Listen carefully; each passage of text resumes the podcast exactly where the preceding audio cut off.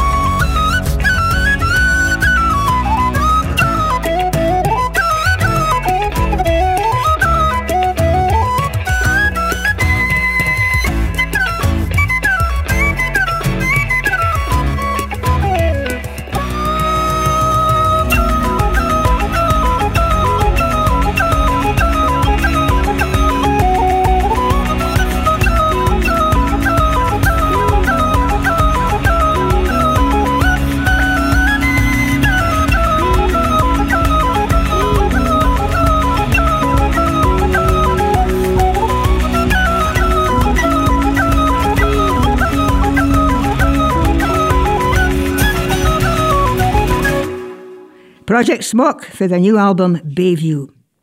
Now, I'm ever fond of folk that can tell stories, oh, o' ony kind. And for why nay, that's for broadcasters and producers day with broadcast stories. Whether it be on film or audio, news or fiction. And when I come across somebody that just has that magical storytelling quality, my day is made. I love it. Storyteller Pauline Cordiner for Aberdeen has that magic. And she's been working, putting together an idea to join up a storytelling tag team with an international flavour. Pauline told me more about the tag team tales. Just about a week ago, when um, the mums in the playground and the dads in the playground were starting to say, Are the schools going to be closing? I thought to myself, What can I do? I'm going to go stir crazy. I've got a wee lassie, Molly, my daughter, I know Molly. and we're going to be stuck inside. And okay, I can tell her stories. And I thought, you know what? I'm going to record a story um, every day or even use Facebook to go live and tell my story to whoever is out there, whoever's stuck at home, whether it's kids, whether it's adults, because stories are nae just for bairns. No. No, no, no, they're for adults. Sometimes we allow kids to listen. Anyway, um, I voiced my opinion on um, Facebook and I got contacted by a few other storytellers who'd been musing over the same idea. Uh-huh. So then when we all started chatting and we decided that we were we were going to do this. Okay, aye. back a wee bit there. though. Yes. You've got the other tag team set up. Yep. So far are they? Far are they situated? Well, mostly in Scotland, although we're not necessarily Scots in Scotland. We've got um, folk in Aberdeenshire, Fife, Perthshire, Stirlingshire, Dumfries and Galloway, and Orkney, and even further beyond in Finland as well. wow. But already, however, um, we've already had inquiries from Norway, America, a hour. And it's very It's in- exciting. International bowling. Yeah. This is, this is really exciting. See, I think storytellers are quite bec- because because it's quite a niche thing. Um, you know, there's the international storytelling groups. There's the Scottish Storytelling Centre. There's the Society for uh, Storytelling, which covers the whole of Britain, and storytellers meet each other and y- we yap, Frida. Well, We're right yaps. well, you like to converse, but I thought, right. There's a point of being a quiet storyteller or a quiet broadcaster when it comes to that. Exactly. you So, listen, back a wee bit, just so I can get the nuts and bolts right. How, how often do you tell the story? Well, at the moment, what it's going to be is we have been discussing that there will be at least one story every day. But my intuition is that folk are going to be contacting us. All we're asking folk storytellers to do is to either make a video or create an event and put tag team tales somewhere in the heading and then we'll share that on the Facebook page and you know it'll be all over Twitter and Instagram and uh, what else we can think of So, as well. folk can go into Facebook and find you. They find the event if it's a live event. Right. Fits a card. Tag team, Tag Team tales. Tales is nae just. That's go- the Facebook page. So it's a Facebook page. It's nae mm-hmm. necessarily www stuff. No, just go onto Facebook, find Tag Team Tales, Aye. and then within that there'll be either videos that you can just click on and watch anytime, Aye. or there'll be live events. Now you click on the live event, you go to the discussion, and in there there'll be a wee box where you'll see the storyteller the day. telling the story to the world. So Very exciting. I could see a festival growing. I'd It's love got to be yeah. an actual festival, you know. Yeah, yeah. Pauline, congratulations. This is just amazing stuff going It's on. It's just Uh, You can really- see it getting bigger and bigger and Yeah, bigger. it's just right. a few folk together. Pauline, congratulations. Speak to you later. Thank you, Frida. See you later. Storyteller Pauline Cordiner, and we've invited Pauline to join the Scots Radio team and share her stories for bairns and other folk in our new Story Corner on the Scots Radio website. And we're on the YouTube and Facebook page as well, so it's, it's on the www.scotsradio.com for a start. Anyway, if you've got bairns at home or you just like a good story like us, tune in to our new Story Corner with Pauline and her wee pal, Fizzy the Fairy. They are magical. That's the word, magical. And we'll hear a whole series of magic stories with Pauline and Fizzy over the next few weeks. Right. Richie, Steve, Uh-huh. Challenges are keeping your bairns entertained at home. What's been going on? Oh, I didn't even go there.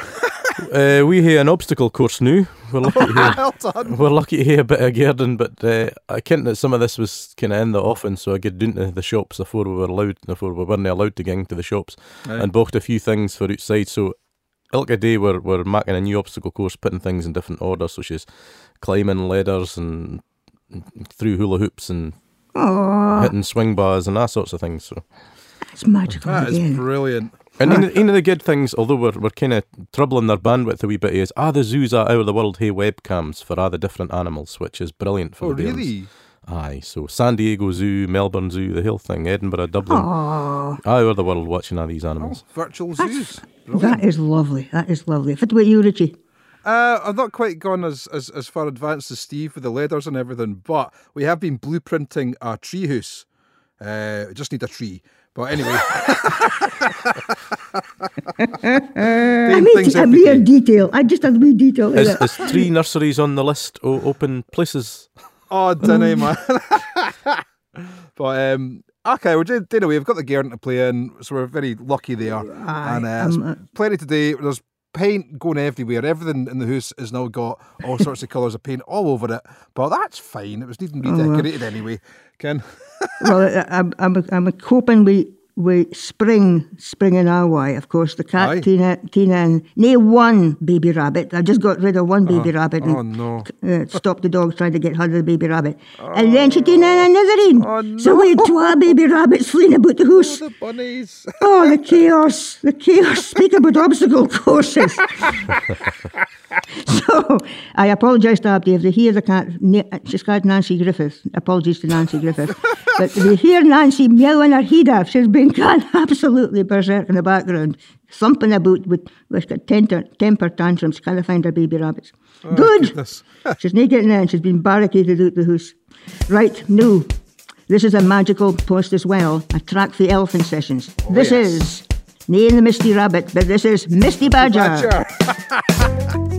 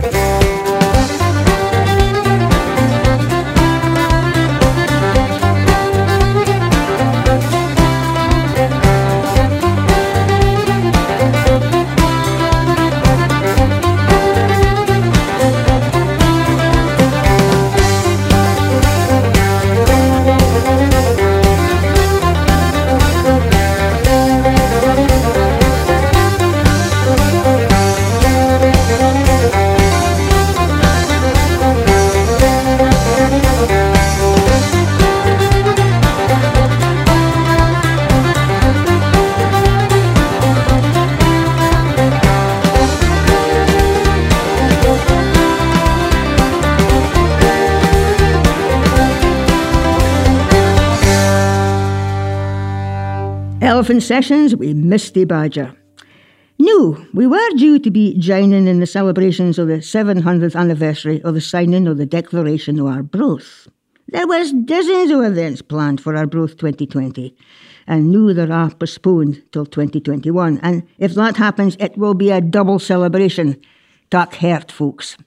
So, since most of us are going to be toasting the anniversary of the Declaration of Cells, we thought it a good idea that we could get into the story and remind folk of the details of fit we're celebrating and toasting. And at the same time, getting into the contemporary significance the Declaration has for us the day. So, to tell us that story, I joined Andrew Redmond Barr the day he launched his new book, CAD, The Illustrated Guide to the Declaration of Arbroath. First, more about the book. Well, I wanted to create a book that was different to existing books about the Declaration because most of them are purely academic. Um, I wanted to do something creative with this important part of Scottish history. And I'm, I'm an illustrator, so I thought I could maybe illustrate it, but originally that seemed like quite a difficult idea because there's traditionally there's only one image that we associate with this document, which is that kind of rectangular piece of parchment with all the wax seals hanging off the bottom. Um, and that's it, the one image that we all associate with the Declaration of Arbroath. So I began to think about what else I could create to represent the message of the letter. So I started to read through the text of the document itself, and I realized that it was actually full of images. Um, it talks about saints and kings. It, it's full of images, really. So I, I began to translate that into images for this book. Uh, we, you know, it, it's a sad reflection that a lot of people, and including myself, I suppose, don't know a lot about the Declaration mm-hmm. of Arbroath. Just bring us up to speed. Just what's behind it? Well, it was a letter written 700 years ago in 1320, and this was a time in which the wars of independence were happening in Scotland. So King Edward of England wanted to conquer Scotland, and the Scots um, decided to write this letter to Pope John the 22nd, who lived in France. It was kind of like a diplomatic letter asking for his help diplomatically. If you if you kind of imagine in these medieval times the Pope was a little bit like the United Nations in the sense that if you had a problem, you could petition him to use his diplomatic influence to resolve differences between nations and so on. So, so the declaration was a kind of letter asking for help, asking for international help. But it's also quite interesting because it speaks about some very early ideas about the sovereignty of people as opposed to leaders because in, in medieval times Europe would have been full of kind of quite absolute monarchs that would have just ruled however they wished. But this declaration says that a king has to be accountable to the people that they represent. So it's some quite early, I mean, you, you can't really call it democratic in 1320, but early kind of inklings of similar ideas. Because there's connections worldwide with this, haven't there? Various mm-hmm. leaders have looked at the wording and used the wording as foundations for their own, I suppose, statement of the democracy. Yes, and I think it's really interesting as well, just a few years ago, that UNESCO made it part of their World Heritage Programme. Um, and that to me just symbolises how important it is internationally as well as in Scotland. So, did the letter go doing well within, within the land? It certainly attracted a lot of people to come to Arbroath to sign the letter, to put their names to it. And one of the interesting things about that is when you look at the artifact itself, the the number of seals hanging off the bottom these are kind of like the the personal seals of all the people that signed up to it it it looks like there's a lot more attached than they were expecting. It's all kind of clustered. So that kind of indicates that there might have been a kind of popular rush for people to sign up.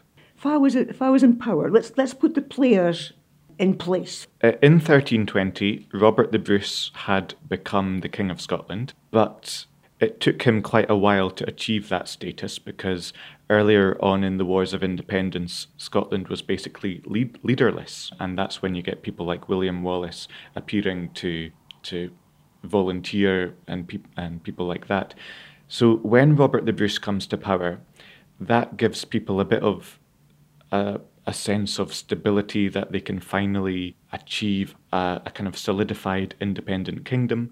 They win the Battle of Bannockburn, and it's after Bannockburn that they decide to write this letter because they believe that winning that decisive victory at Bannockburn gave them a little bit of leeway to pick up the pen and try a diplomatic route um, because they thought that they had a bit more legitimacy in Europe and they could reach out for international help and so on. Let's go back to the book again. You start with the explanation of uh, the Declaration of Arbroath, mm. and then there's the middle bit that mm-hmm. had the widespread influence on it. So, just a little bit more about the middle bit and the end bit of the book, because you didn't just take the normal path for the whole thing, did you? Yeah, so the middle of the book is um, the translation of the text of the Declaration, and each kind of section of it is illustrated with pictures representing the message of that piece of the of the text. And then the book goes on to speak about the Declaration's legacy and influence in Scotland since it was written. So I talk a little bit about, for example, the, the Covenanting movement, how some people in that movement were inspired by similar sentiments.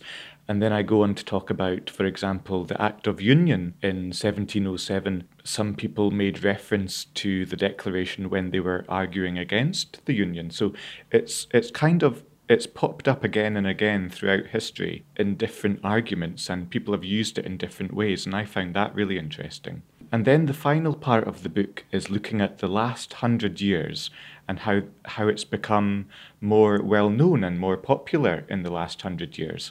I've also looked at the different anniversaries that have taken place and how it's been commemorated in the last hundred years. Right. This is the, the, the, the, the nuts and bolts of the thing. Mm-hmm. How can folk get hold of the book? The book is available for sale on my website, which is andrewrbarr.com. You can also find it through the Saltire Society, who are the publishers, and it's fourteen ninety nine. It's fourteen ninety nine. That's the important bit as well. Andrew, a pleasure talking to you, and I look forward to, to reading the book. And uh, best wishes. Thank you very much. Thank you. Andrew Redmond Barr, and I thoroughly recommend his book. It's a cracker. And so is this version of this song by Robert Burns. Arthur Johnstone takes the lead. This is Scots Wha Hae.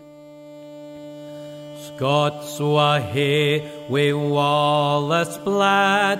Scots Bruce has often led.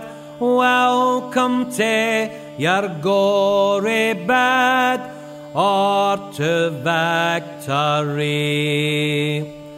Now's the day and now's the hour. See the front of battle lower. See approach proud Edward's power. Chains and slavery.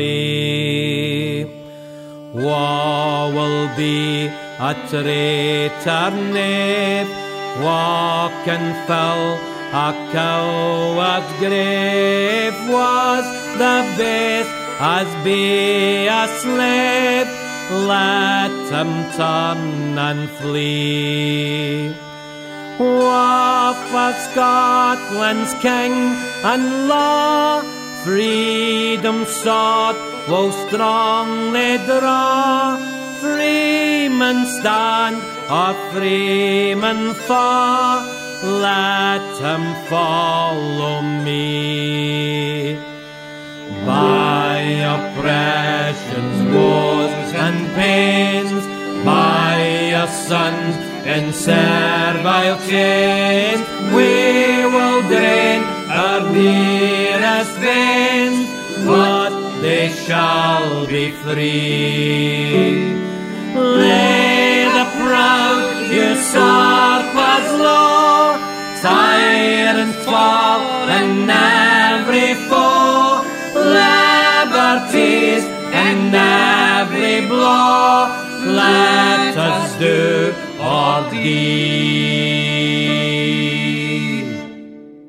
Scots Wha Hae by Robert Burns, led there by Arthur Johnstone. Technical credits Fred Freeman, producer, engineered by Pete Haig at Pierhouse Studios, Edinburgh. That's on Linn Records, released 1996, I believe. yeah? 96, my goodness, Uh-huh. wow. The album is the complete songs of Robert Burns, Volume 2, Arthur Johnstone lead singing. Other musical credits, listen to this. The backing vocals, Ian Bruce and Gordeanna McCulloch.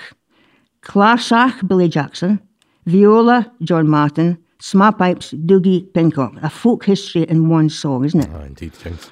It does. And thank you to Abdi in there. That's just a fantastic recording. Richie recorded at your place of apprenticeship as well, Pierhouse. That's right. Many fond memories, although before my time, but uh, a totally recognisable sound and totally getting into the, the who's who of the folk world, which is what that series Oh, was all about. You know, just amazing. Absolutely. Beautiful, beautiful.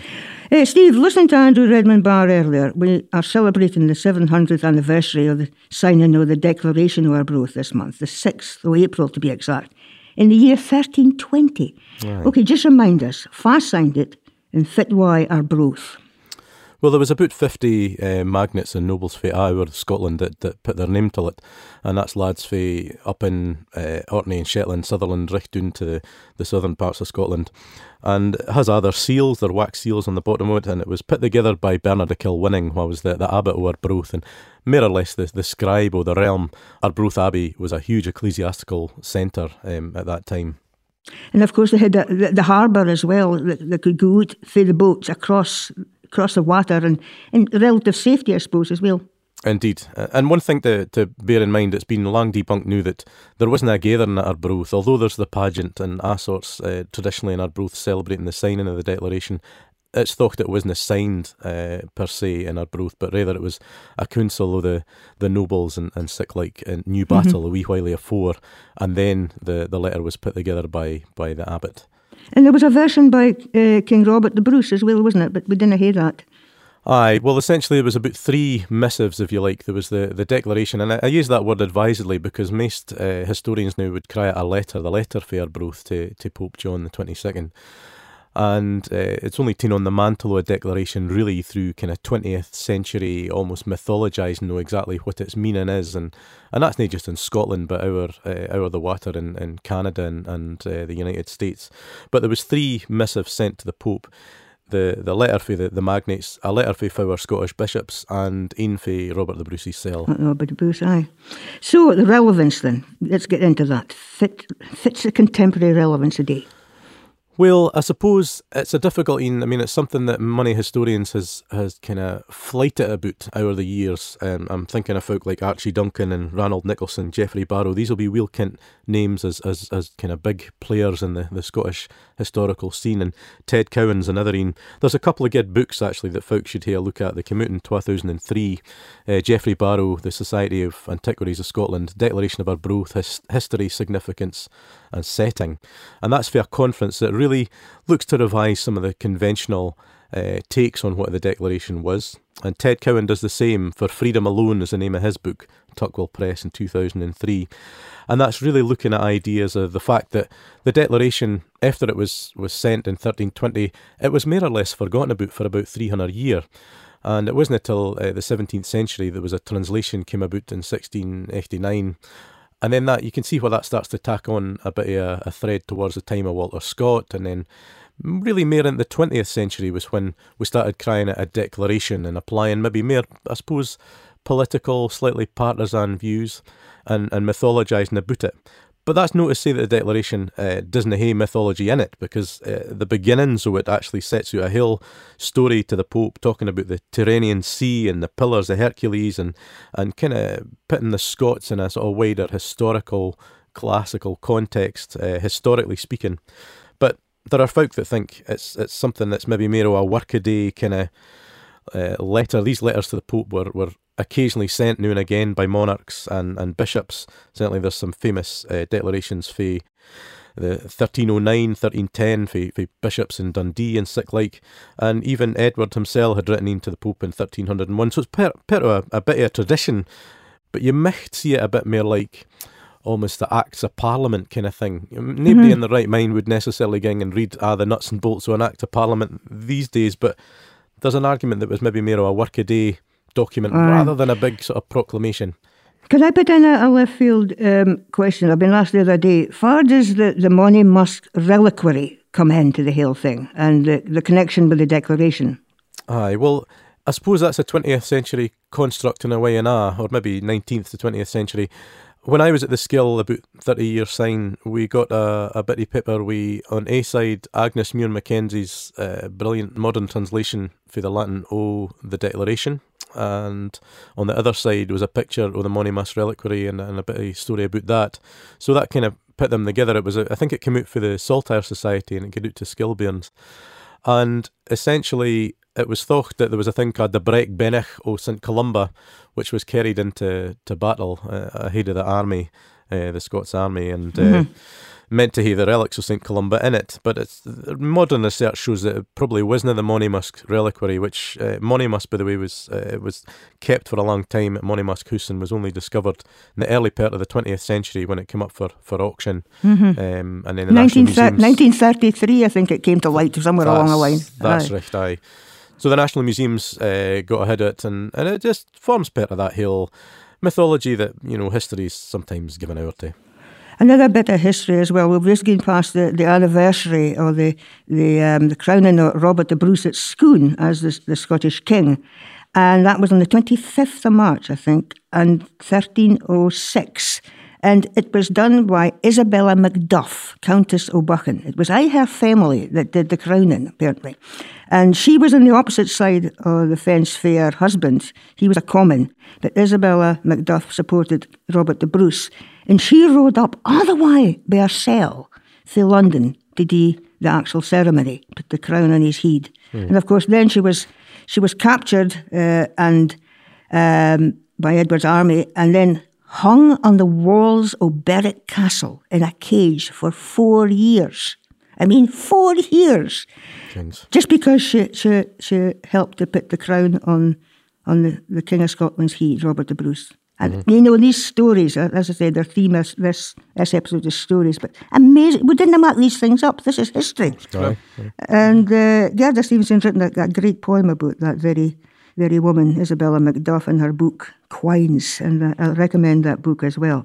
Anyway, back to what we were speaking about. We're just about at the end of this episode, but you've got another bit of history to add to the story, a special poem, Steve. Aye, well, as part of the kind of 20th century uh, revisiting, if you like, of the, the Declaration, um, there was translations done by uh, Agnes Muir Mackenzie, as I say. But in 1993, uh, there was a, a, a great sort of pamphlet, really, that, that came A4 size uh, out of the Herald Press at Arbroath, the Herald being the newspaper in the tune. The Declaration Arbroath, edited by a lad called James Adam, who was a Dundonian uh, journalist, broadcaster, and poet.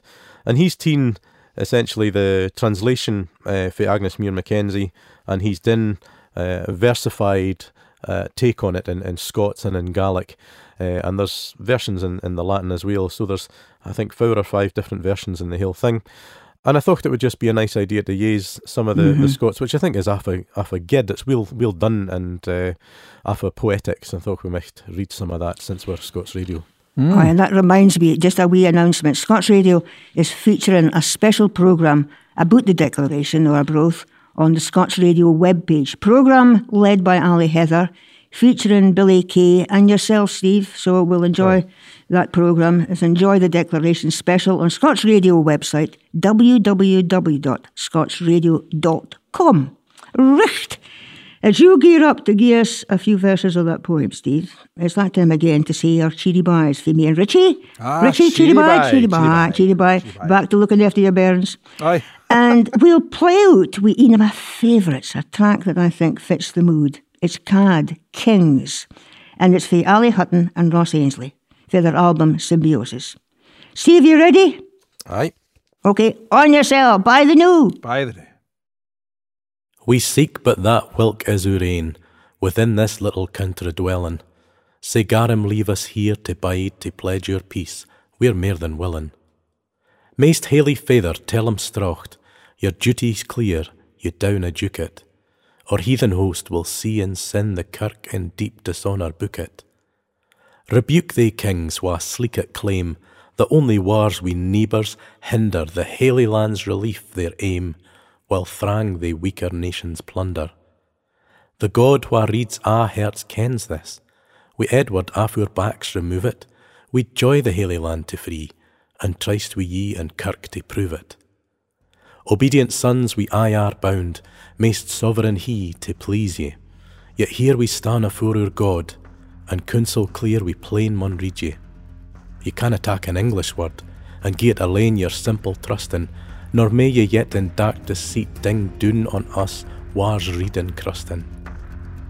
The evil deeds they'll wreak on us, or evil's war will quick return them, they awesome debts to your account, the Lord maist he will grim record them.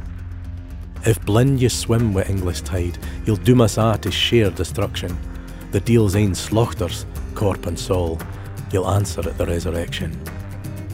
Say to the throne our cause we bring, afore the mighty King wha guide us, the mind oppression's woes to fecht, in God's great name and Christ's wha freed us, in hope and faith that He will grant to us the courage strong and bident, that we may hold our nation free and cope for aye, usurping tyrant. And be ye spared the kirk to serve, this 1320th year say blessed, gain at Arbroath on April 6th, in 15th year, O King aforesaid.